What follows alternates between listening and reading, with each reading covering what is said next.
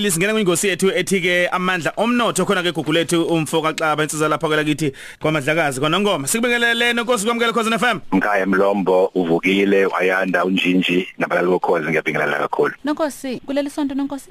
No lensonto nengcebo sibheka kakhulukazi umthelela wegciwane le corona eh nezigameke zibe nomthelela omubi emnothweni wamazwe omhlaba kakhulukazi naleli laseningizimu Afrika. Nanokuthi mhlambe singenze njani thina njengama Afrika asiqale mhlambe sibonge nongcebe iningizimu Afrika indlela ephethe ngayo. Lolu dabi kakhulukazi umhlonishwa umnomzana uDokotela Zweli Mkhize nethimba lakhe ekuthenini bakwazi ukuqinisekisa abantu ukuthi bangabi nalidwedwe nengebhe maqondana nalesi simo. Kodwa ngifisa sibuke nje ukuthi eh izwe lase laseAmerica bekuye kuthiwe uma likhwehlela umhlaba wonke ungenwa amakhasi. Kodwa njengamanje sesiyathola sibuko sesiyabona ukuthi empeleni izwe laseChina sekuyini lithi mali khwehlela umhlaba wonke ubamba ivirus.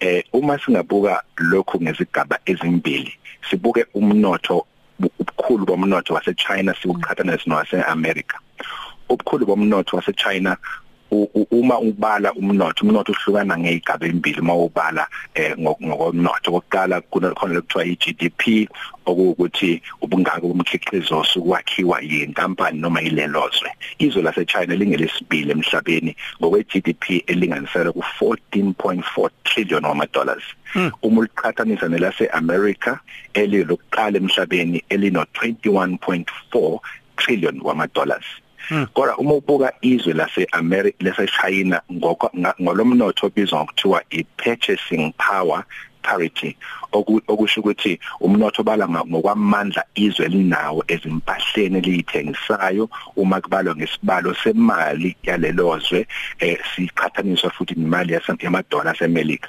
Uzothola ukuthi izwe selihamba phambili emhlabeni izwe laseChina linemali ke ndithi umnotho wakhona mobala nge-triple P purchasing power parity ku 27.3 trillion ama dollars bese wasemelika uza kamuva ngo21.4 trillion ama dollars.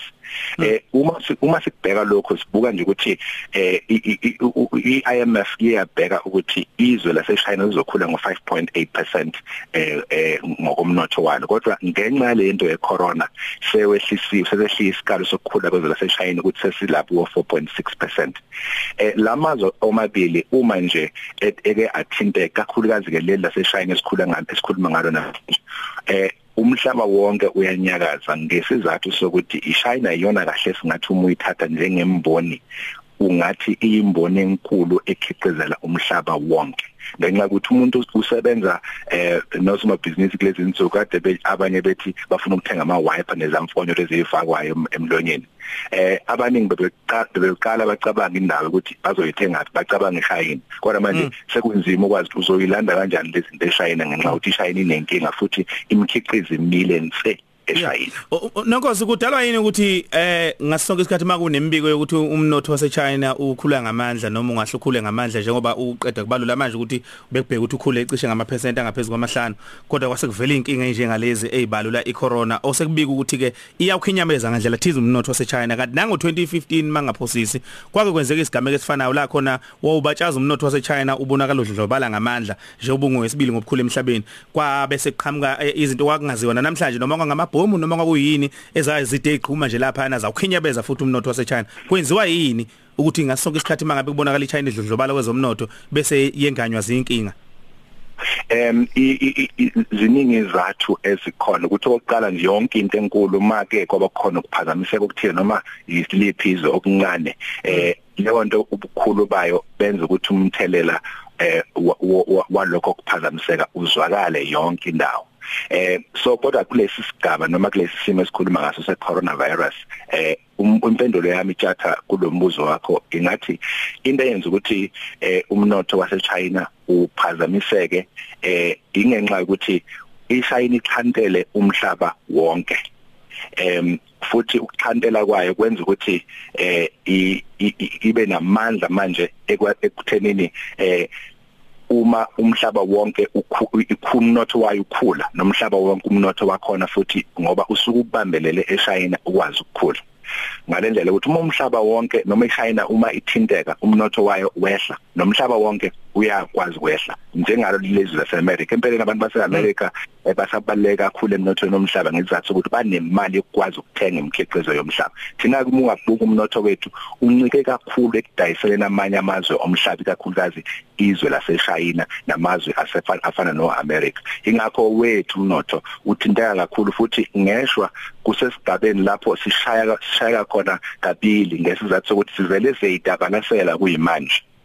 Sesivelelwa yilesi simo secorona esenza ukuthi umnotho wethu udonseke kanzima futhi kuzoba nzima kuzothatha isikhashana impela ukuthi sikwazi ukuphakamisa uzofinyelele ezingeni elifanelekile Hmm. Mhlawumbe okunye bengakusho ke jathi ukuthi uma singabheka imboni ezithinteke kakhulu eh i-tourism sibonele lapho sizwile ngayizolo ukuthi uminister ekhuluma ukuthi silahlekelwe cishe u200 million rand ngesikhathana esincane. Sokukhumbula ukuthi iNingizimu Afrika incike kakhulu eh embo wemboni yezokuvakasha.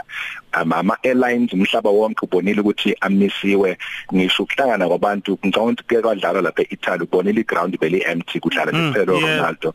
Eh, usu- usu- usungasho ukuqaphele ukuthi sengase bekhona isimo mhlawumbe nathi singahamba hamba sifinyelele kusona lapha abantu bengeke bakwazi ukuhlangana khona bavunyelwe ukuze kukwazi ukugwenywa ukuthelelana kwaleli gciwane.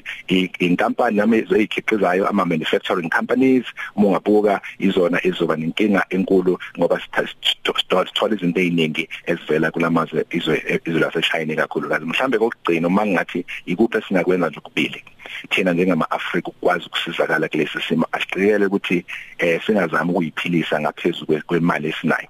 Asizama ukubamba siqinisa eh, amaqhama kule kuleso sigaba.